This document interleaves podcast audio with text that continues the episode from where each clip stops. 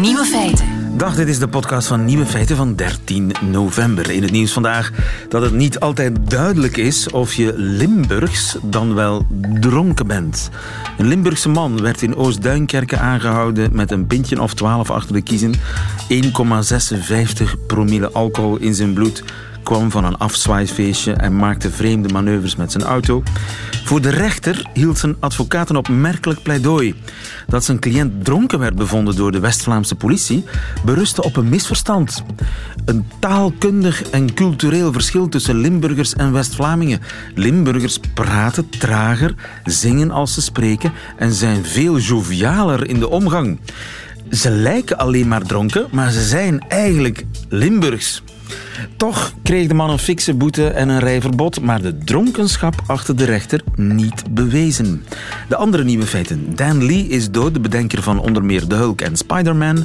Onder Belgische impuls is er in Napels zoete pizza gebakken.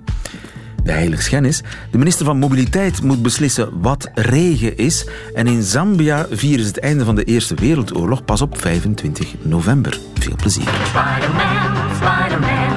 Does whatever Spider-Man. With great power comes great responsibility. Sometimes you gotta run before you can walk. My name is Wolverine. I'm the best there is at what I do. But what I do isn't very nice. Spider-Man, The Hulk, Peter Parker, Iron Man en Wolverine. Allemaal superhelden uit de koker van Stan Lee. De man die gisteren op 95-jarige leeftijd is overleden. Alex Agnew, goedemiddag. Goedemiddag, hallo. Alex, ik zag jouw tweet passeren. Stan Lee heeft mij de man gemaakt die ik vandaag ben. Uh -huh. Heb jij bepaalde bovenmenselijke krachten, eh, Alex? Eh, ja, natuurlijk. Ik ben uh, bovenmenselijk grappig. Is u dat nog niet opgevallen? Nu het zegt, Ik ben eigenlijk in een vat radioactieve afval gevallen. Ik was mega saai vroeger. Ik was totaal niet funny. Ik kwam daaruit en ik was onwaarschijnlijk grappig. Zoals ik nu ben. maar hoe bedoel je dat in werkelijkheid, die tweet? Hoe bedoel je dat in werkelijkheid? Ja, ik ben opgegroeid met deze strips. Hè. Ik, bedoel, ik was uh, dat klein... dat is het prototype van het kleine verlegen ventje op school die dat stripverhalen las op een leeftijd dat het al niet meer cool was. Want je hebt nu zo heel, die, uh, heel dat comicbook ding is nu cool geworden en dat is ook heel tof. dat je voelt dat heel veel jonge mensen daarmee bezig zijn en dat dat nerdy ding, dat dat allemaal cool was. Maar ik herinner mij nog in de jaren tachtig, toen ik jong was, dat we konden even goed tegen meisjes zeggen, ik heb lepra, dan ik lees comics. Want dat was, uh, dat was iets waar je niet zo je eigen heel populair mee maakte. Maar dat was wel iets dat mij, ja, dat mij zeker door mijn jeugd heeft geholpen. Zowel Stan Lee en zijn Marvel comics en DC comics met Batman en Superman en al dat soort dingen. Maar dus jij zat in de kast al die stripverhalen te lezen. Uh, ik, ik, ik, ben niet zo hulkvast. Tenminste, de hulk die ken ik. Ja. dat is toch die man die verandert van spaghetti in biefstuk, hè, waarbij telkens zijn, ja, ja, zijn kleren wordt, eh, scheuren. Die wordt groen en heel sterk en die slaagt alles aan diggelen. Ja, dat klopt. En, en, is, is, is dat een soort uh, groene droom van jou? Nee, niet bepaald. Maar wel, wel leuk was aan, aan Marvel Comics, of wat vooral uh, wat Stan Lee zijn bijdrage ook vooral daaraan was, was het realisme. Hè. Dus het, hij liet het zich afspelen in, in, in, in een echte stad. Hè. Meestal in New York of in San Francisco of in de wereld die dat je kent. Hè. In tegenstelling tot DC Comics met Superman en Batman, dat zich afspeelt in fictieve steden als Gotham City en Metropolis en zo. Dat allemaal een beetje versies. Maar die waren wel veel eerder, hè? Superman en Batman? Die waren eerder, ja. Die waren eerder. Maar wat dat die wel, um, wat, waar hij eerder mee, waar, waar hij eerst mee was, was dat hem eigenlijk die, die superhelden allemaal van die menselijke problemen gaf. Waardoor dat die, um, ik zal nu maar zeggen, um, Iron Man had bijvoorbeeld een alcoholprobleem, of, Spider-Man was een, een nerd op school die gepest werd. Hè, zoiets waar ik mij wel mee kon vereenzelvigen op dat moment. Zo dat soort dingen. Die gaat meer grip op realiteit eigenlijk. En hetgeen dat hij ook deed, was heel hard ingaan tegen op een heel subtiele manier tegen de Comics Code Authority in een tijd. En dat was zo'n soort code die alle comics moesten volgen die gelezen werden door kinderen. En dat was vooral dat, dat slechte mensen Dat ongenuanceerd slecht moeten Ja. zijn en goede ongenuanceerd goed. En hij is daar wel mee beginnen spelen. Ja, ja, en dat heeft bij jou iets wakker gemaakt en dat was kennelijk ook de bedoeling. to make him empathetic with the with the readers i figured i would let him be not that good looking not that successful with girls he doesn't have a lot of money he in fact he doesn't have enough money that would make him relatable to a lot of kids Relatable, je kon er je mee identificeren. Hij heeft het over Spider-Man en dat is kennelijk ook bij jou zo gewerkt. Hè? Want Spider-Man, dat was eigenlijk een schlemiel. Ja, een klein beetje wel. Hè. Dat is een nerdy gast en zo. Heel intelligent wel, maar die werd dan gepest door zo wat, door zo wat bullebakken op school. Die was heel onhandig met meisjes. Die kon die niet versieren. Die was er helemaal niet goed in. Maar tegelijkertijd zijn alter ego Spider-Man, daar is hem dan eigenlijk heel cool in. En dan, en dan, kan hem, eh, dan kan hem de meest waanzinnige dingen, maar hij kan dat eigenlijk niet zeggen tegen het meisje dat hem graag ziet. Ja, dat zijn allemaal zo dingen die de jonge puberende Alex allemaal heel eh, herkenbaar vond. Ja. Buiten het Spider-Man zijn dan. Dat was dan hetgeen dat je dan in je fantasie wel wou zijn of zo. Dus, eh, dus Ja, en, heeft, zeker- zou je kunnen zeggen dat, dat die droom jou de push heeft gegeven om te zeggen van, weet je, eh, ik, ik kan ook vliegen, ik kan ook eh, desnoods vliegen tot op het podium van de Ja, ik heb- Lotto Ik heb Arena. een paar jaar geleden een boek uitgebracht, hè, zo'n soort autobiografie met stukken over mijn comedy. Al, het ging eigenlijk vooral over mijn comedy, maar dat boek heette Superheld. Dus er is ook, bij mij is dat, dat is eigenlijk het begin van alles geweest. Hè. Super, superhelden zijn hetgeen waar ik altijd naar opkeek, wat ik wou zijn, wat ik ook besloot om te zijn wanneer ik, wanneer ik eh, ging optreden. Dan maakte ik ook een alter ego van mijzelf dat groter, sterker is, dat stoerder is, dat alles durft te zeggen wat ik niet durfde te zeggen tegen de mensen. En dat geeft u wel zo'n soort... Ja, dat is, dat is een soort alter ego. Hè. Daarin kun jij alles en zet jij ongenaakbaar. En op alle andere plaatsen zetten dat niet. Ja, dus de, dat is- de, de brul van. Alex Agnew op het podium is eigenlijk de brul van de Hulk oorspronkelijk. Ja, een klein beetje. Ja. Of Superman, of, eh, of, of Spider-Man, of Ja. noem het maar op. Ja, maar wie, wie zou je eigenlijk willen zijn, het liefst, als je mocht kiezen? Als ik mocht kiezen, ja, dat zou jammer zijn voor Stan Lee, maar dan was ik Superman. Omdat dat degene was die dat voor mij het eerste eh, het allemaal heeft losgemaakt. Zeker die film met Christopher Reeve in de jaren 70, Superman the Movie. Nu verraad ik mijn leeftijd Ja. natuurlijk. Want En nu verraad je ook je 45. held Stan Lee. Nee, dat doe ik niet, want Stan Lee heeft mij ook door heel veel dingen geholpen en ik ben ook altijd naar al deze films gaan kijken. En dat is hetgeen dat ik denk dat we nog het hardste gaan missen, zeker de nieuwe generatie fans aan hem, dat zijn zijn cameo's in al die films. Want die komt eigenlijk in elke film en zelfs in de laatste Spider-Man game komt hij ook in en doet hij zo'n kleine cameo. En dat is wel iets dat, we, eh, dat, dat de Marvel fans allemaal wel gaan missen, denk ik. Dat, Dat we zullen hem zien. Sowieso eh, missen. Hij is een van de ja, sleutelfiguren in de eh, populaire cultuur van de 20e eeuw. Mogen we wel zeggen, Stan Lee eh, gestorven op 95-jarige leeftijd. Dankjewel voor dit bijzondere eerbetoon. Alex Agnew, goedemiddag. Graag gedaan. Nieuwe feiten. Quizvraagje. Wanneer eindigde de Eerste Wereldoorlog in Zambia? Nee. Niet op eh 11, 11, 11, 11 november om 11 uur, maar op 25, 11, 12. Daar herdenken ze namelijk de 100ste verjaardag van het einde van de Grote Oorlog pas over een week of twee. Op 25 november om 12 uur. Peter Verlinden, goedemiddag. Goedemiddag. Onze Afrika-kenner, Zambia, ten zuiden van Congo, ligt dat, hè, zuidelijk Afrika. Ja, net onder. Congo, ja. Net onder Congo. Was daar ook een front in eh, 1418? Ja, het, eh, je moet weten dat eh, heel die regio was eigenlijk Duits-Oost-Afrika. En daar maakte dus Zambia en het huidige Tanzania, maar ook het huidige Rwanda-Burundi maakte daar allemaal deel van uit. En daar is ook een heel stuk van de Eerste Wereldoorlog uitgevochten. Maar zaten daar Duitsers te vechten tegen Engelsen? Ja, ja, absoluut. Ja, Ehm, zo diep in en ook Afrika. Belgen tegen Duitsers bijvoorbeeld. Maar bijvoorbeeld, om het nu even bij Zambia te houden, daar is, heeft dat eh, Duitse front het langst stand gehouden. En eigenlijk heeft eh, de Duitse generaal ehm, von Lettow-Vorbeck heeft de oorlog eigenlijk daar nooit verloren. Hij is, hij is wel moeten uitwijken Want aanvankelijk hadden de Duitsers dus ook nog Rwanda-Burundi en Tanzania. En geleidelijk is dat front altijd maar zuidelijker gezakt, eigenlijk naar beneden. Maar hij hield uh, moedig stand. En toen dus op 11 november uh, de Duitsers zich overgaven hè, in, uh, in, in, in, Frankrijk, hè, de fameuze treinwagon daar in Compiègne, um, ja, dan deed hij gewoon voort. En hij wist helemaal niet dat de oorlog gedaan was. Hij wist het niet? Hij wist het niet. Er is een telegram gestuurd. Dat ging in die jaren zo. Hè. Er was geen, geen internet, er waren geen telefoons. En dus er werd, of toch tenminste daar niet. En er is een telegram gestuurd. Die telegram is pas aangekomen op um, 14 uh, november. Heeft hij de telegram gekregen. Maar dan moest hij uh, zich ook nog gaan overgeven bij de Engelsen. Dus dan heeft hij negen dagen met zijn troepen moeten marcheren tot bij de Engelsen.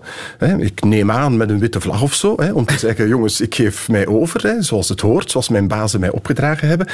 En het verhaal vertelt, ik was er uiteraard zelf niet bij, dat uh, die, uh, die von Letto-Vorbeck, dat die daarna dan teruggekeerd is naar Duitsland en daar als een oorlogsheld onthaald is. Want hij was nooit verloren. Hij heeft, heeft eigenlijk zijn slag nooit Zijn slag verloren. heeft hij gewonnen. Uh, hij uh, vocht door na 11 november. Is dat elders in Afrika ook gebeurd? Dat nee. na 11 november nee, nog wat eigenlijk is de, de oorlog... Kijk, het grootste front uh, in, in, in Afrika was datzelfde Oost-Afrika. Dus dat wil zeggen vooral um, het huidige Tanzania en dus tot aan het noorden van Zambia. Dat was eigenlijk het grote front. Ja. de Belgen hebben daar de Duitsers verslagen, met een beetje hulp van de Engelsen, moeten we eerlijk in zijn. En eigenlijk vooral vanwege de Congolezen want daar waren enkel Belgische bevelhebbers. De troepen waren Congolezen, waren zwarte. De fameuze Force Publique, die dus eigenlijk uit Belgisch Congo kwam, wat toen al een Belgische kolonie was. En zij hebben Duitsers verslagen in Tabora en dat was al in september 16. Ja, ja. Dus wij hebben eigenlijk onze helden van de Eerste Wereldoorlog. Er zijn grote monumenten op. In elk dorp staan ze, die monumenten, en gesneuveld voor het vaderland. Maar er zijn ook heel veel Congolezen gesneuveld voor het vaderland. Wel, wat helemaal sterk is, en ik moet eerlijk zeggen dat, uh, omdat jullie mij die vraag hadden gesteld, ben ik de cijfers gaan opzoeken. Ik ken uiteraard wel heel dat verhaal, maar de details niet meer. En nu ik de cijfers ben gaan, op, gaan opzoeken, blijkt dat er bijna evenveel Congolezen in Belgische dienst gesneuveld zijn, destijds in Congo, dan dat er Belgen in België ge, gesneuveld zijn, militairen. Dus er zijn um, orde van grootte iets van een 35.000 Belgische militairen gesneuveld en er zijn ongeveer 28.000 Congolezen gesneuveld. Maar wel Bijna ver weg in ons. Bijna evenveel, ja, dat scheelt hem enkele duizenden. Dus de oud-strijder is ook een zwarte. Is even zwart als blank. Even zwart als blank. Is even zwart als blank. En die oud-strijder wordt bij ons ook helemaal niet herdacht. Er was trouwens op 11 november uh, om drie uur in de namiddag aan de Riga Square Um, daar staat een monument ter ere van de, van de Force Publiek, dus van dat koloniale leger dat eigenlijk die oorlog daar uitgevochten heeft. En daar was een herdenking nu, afgelopen 11 november, naar aanleiding van 100 jaar einde Eerste Wereldoorlog. Er was geen enkele Belgische autoriteit. Niemand. Geen enkele Belgische politicus, geen enkele uh, Belgische afgevaardigde van defensie, van het paleis of van wat dan ook. En dat is voor sommige Congolezen wel een bittere pil, want is dat niet ze hebben uiteindelijk evenveel slachtoffers van Wereldoorlog, ongeveer. Hè? Militaire slachtoffers van Wereldoorlog 1. En dan hebben we het nog niet over de burgerslachtoffers. Want uiteindelijk zijn er, alle verhoudingen in acht genomen, en met alle respect natuurlijk, maar zijn er niet zo heel veel burgerslachtoffers in uh, België gevallen. Um, dat had natuurlijk te maken met de aard van de oorlog. Dat is een totaal ander type oorlog dan wat we nu kennen. Hè? Dat is onvergelijkbaar. Dat waren oorlogen die op, met slagen werden uitgevochten, leger tegen leger, zoals aan de Vandaar ook verhoudingsgewijs niet zo verschrikkelijk veel burgerslachtoffers. In Wereldoorlog 2 wordt dat heel anders. Maar in Afrika had je wel heel veel burgerslachtoffers. En dat had onder meer te maken met het feit dat die zwarte militairen dat die in vele gevallen ook hun familie bij zich hadden en ook heel veel dragers. En die dragers, uh, ja, dat waren in principe burgers, maar die wel voor het leger werkten. Ja. En daar zijn massaal veel doden gevallen. Ik heb het nu nog maar alleen over de Belgen, hè, want als we het dan over de Britse troepen hebben, uh, dan ja, daar zijn ook uh, massaal veel doden onder de Afrikanen ja. gevallen. Is dat een, een vergetelheid die volgens jou dringend moet worden rechtgezet? Goh, wie ben ik om, daar iets over te vinden? Met mijn hart in Congo vind ik, en vooral mijn hart voor een vorm van rechtvaardigheid en respect, ja, denk ik dat dat het minste is dat, is dat, dat zou moeten geweten zijn. Um, dat dat zou moeten gerespecteerd worden. Zeker hier bij ons, waar we daar de mogelijkheden voor hebben. In Afrika zelf, in Congo, in Tanzania. Ja. Zambia probeert daar nu iets van te maken. Alle herdenkingen die vier jaar hebben geduurd, die zijn nu eigenlijk voorbij. Dus dat is allemaal gedaan. En Gint natuurlijk heeft men wel wat andere zaken aan het hoofd dan te herdenken. Daar komt, vanwege de ellende van vandaag en oorlogen enzovoort. Maar er is nog een ander aspect. Er is een cultureel aspect dat we dikwijls vergeten. Wij eren graven. Als je ziet de fameuze kerkhoven aan, aan, aan, aan de, in West-Vlaanderen enzovoort, dat is voor ons een manier om onze doden te herdenken. In de originele Afrikaanse culturen, niet de cultuur die wij daarna, daarna hebben binnengebracht, maar in de originele Afrikaanse culturen bestaan geen graven. Dus mensen gaan niet naar een grafsteen. Dus als je, als je, je familielid dat sterft, oké, je begraaft die.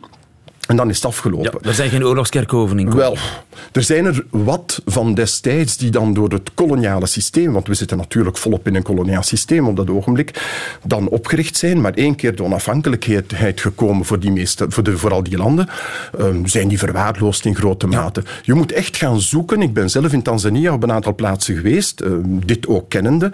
Ik ben gaan zoeken naar een aantal plaatsen, maar je moet het echt ja, tussen, tussen de broes, tussen het onkruid moet je het vinden. Oké, misschien iets voor het nieuwe Afrika, vernieuwde Afrika Museum interviewen. Dankjewel, Peter Verlinde. Goedemiddag. Nieuwe feiten.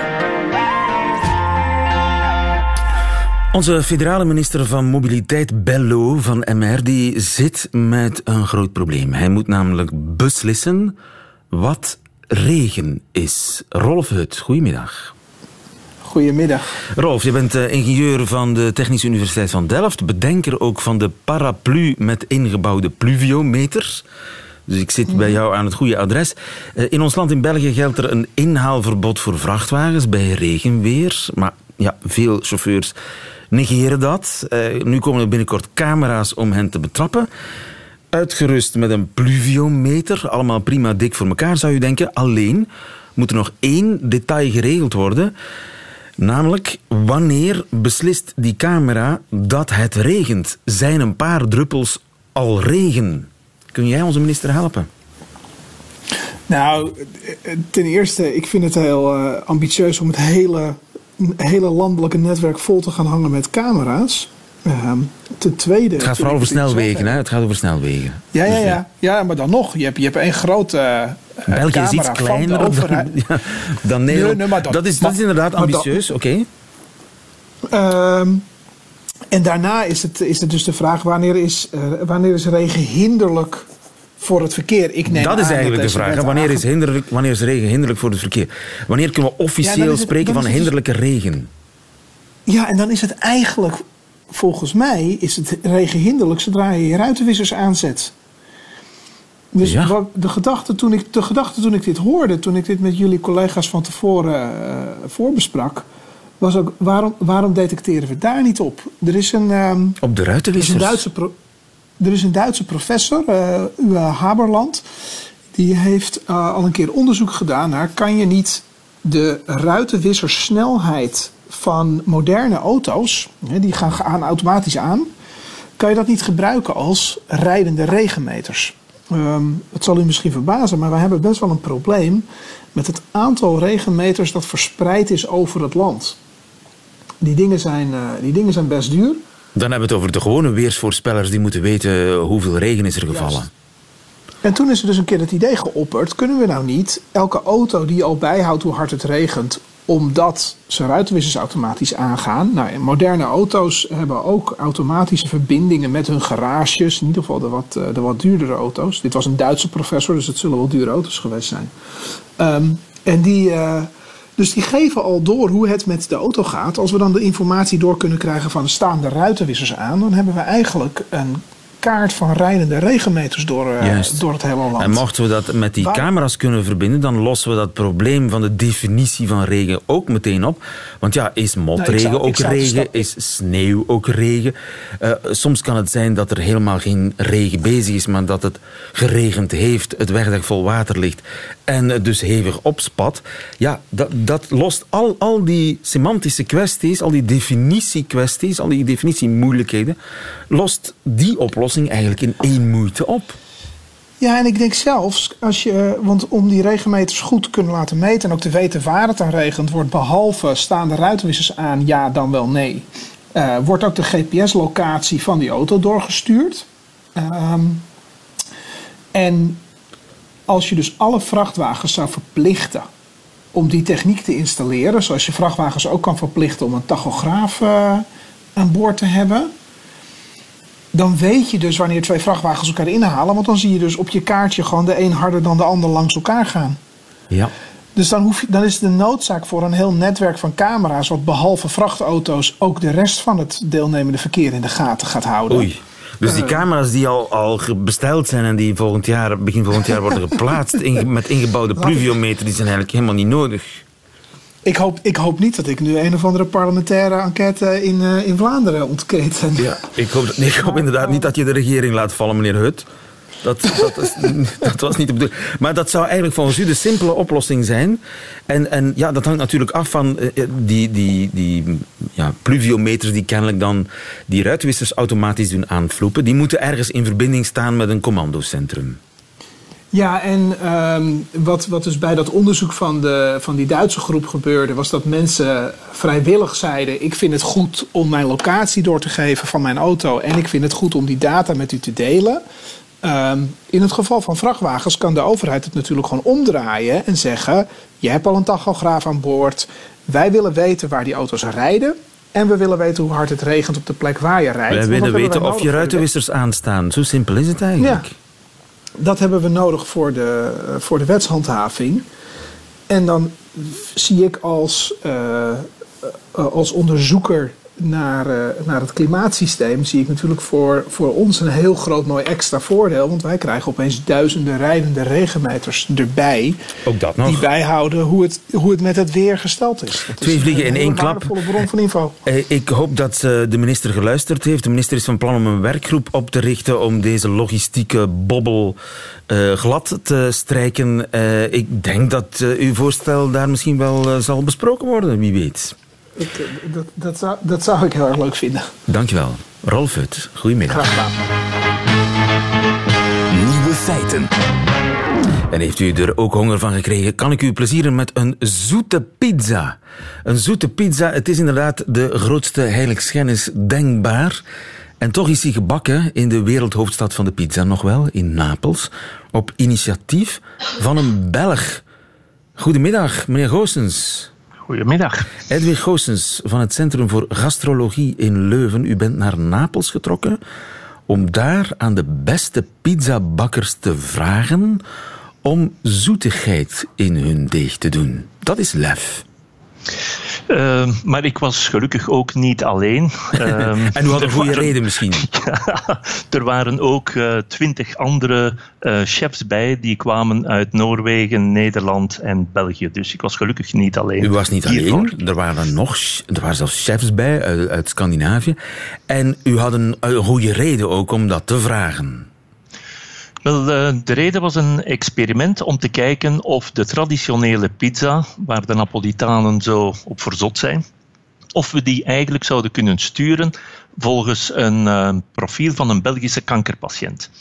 Dat was eigenlijk uh, de uitdaging en daarvoor moest er wel een en ander aan die pizza veranderen. Dus mensen met kanker vinden de gewone pizza niet lekker? Um, ook het brood niet. Hè. We hebben een onderzoek afgerond in uh, België samen met de stichting uh, Kom op tegen kanker. Um, omdat mensen die chemotherapie krijgen um, smaakafwijkingen vertonen en dus bijvoorbeeld brood niet lekker vinden. Dus onze redenering wat Napels betrof was, uh, kunnen we dit ook doen met een pizza? En twee, zijn Napolitanen überhaupt bereid om die veranderingen aan hun pizza mee aan te brengen? En? Dat was eigenlijk het. Dat heeft enige uh, overtuigingskracht gevergd, neem ik aan. Absoluut, absoluut ja.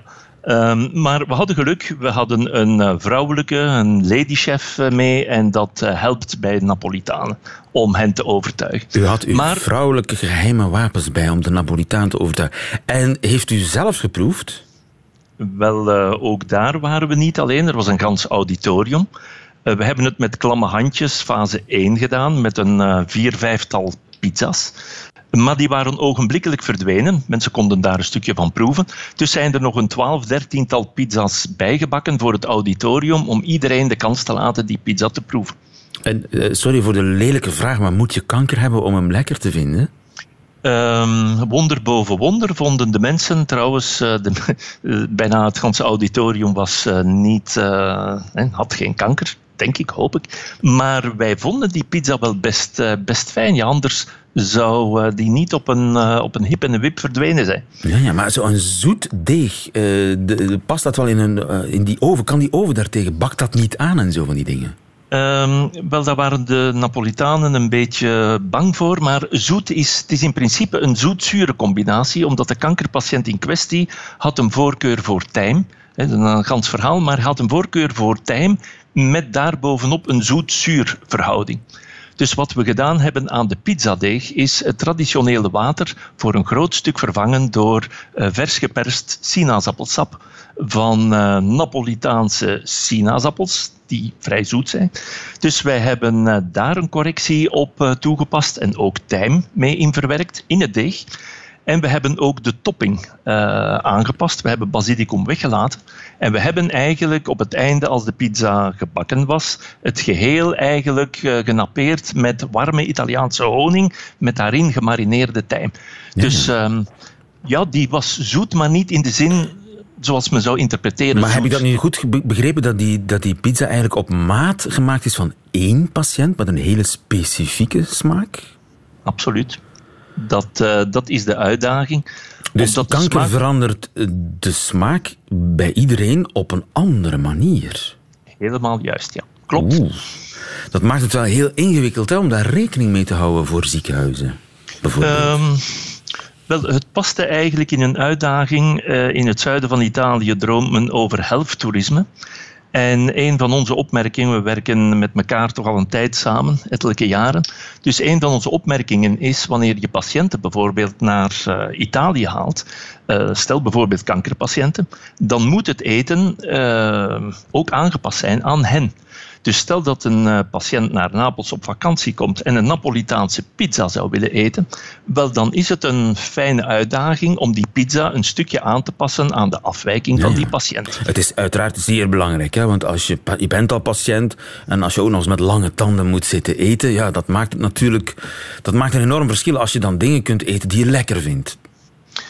Um, inderdaad. En het uh, grote gemak dat we kunnen hebben is dat we op digitale wijze die aanpassingen kunnen sturen naar elkaar, waardoor Napolitaanse chefs eigenlijk weten dat ze deze ingrediënten in deze verhouding bijvoorbeeld aan hun pizza moeten toevoegen. Aha. Dus je zou kunnen van, van elke patiënt een soort van smaak-DNA kunnen trekken op de een of andere manier. En daar dan uh, de, de recepten aan aanpassen en zo ja, de pizza's bijsturen naar Absoluut. gelang. Helemaal juist. Dat, is, dat kan vandaag al of dat kan binnenkort? Dat uh, kan vandaag al, daar zijn we klaar voor. En uh, de nieuwe uitdaging die we doen, dus Rome heeft ook een zeer specifiek brood, harde korst met een stevige kruim. Um, onze nieuwe uitdaging binnen een aantal weken is met Romeinse authentieke bakkers um, dit soort van toepassingen doen op Romeins brood. Ik uh, mag u daarbij heel veel succes wensen. Dankjewel. Edwin Goossens, goedemiddag. Dank u wel. Nieuwe feiten. Middagjournaal. Goedemiddag. Jaloezie is meestal niet zo'n mooie eigenschap en toch ben ook ik wel eens jaloers. Op de makers van Belpop bijvoorbeeld, een reeks tv-programma's over de Belgische pop- en rock scene. Alles wil ik weten. Welke LP's de vroegere Radio 1-baas en bassist Frans Ive heeft geproduced.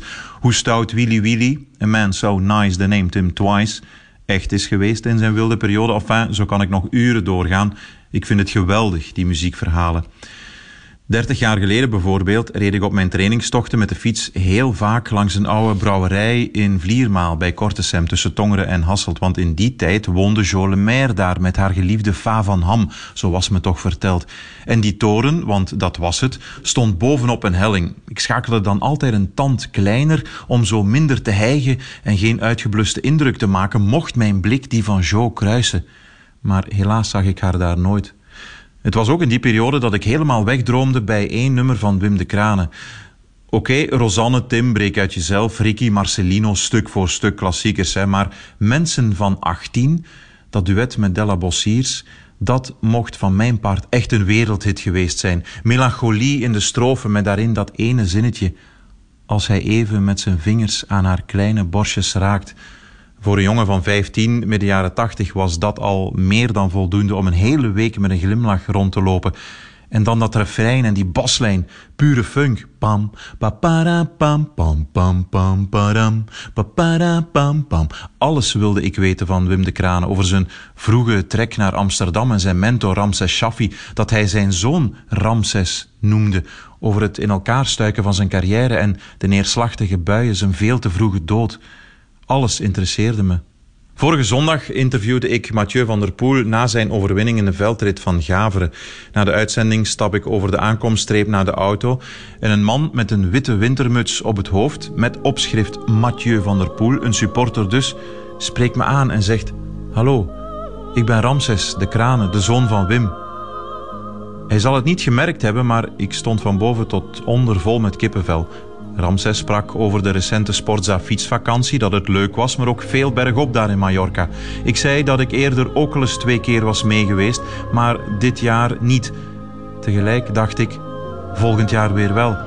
En jij ook, Ramses. En wanneer we dan dartel een kol opfietsen, zing ik in mijn hoofd.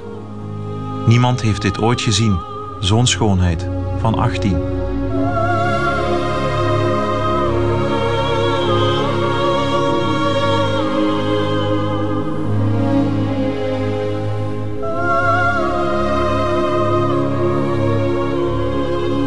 Het middagjournaal met Christophe van der Goor.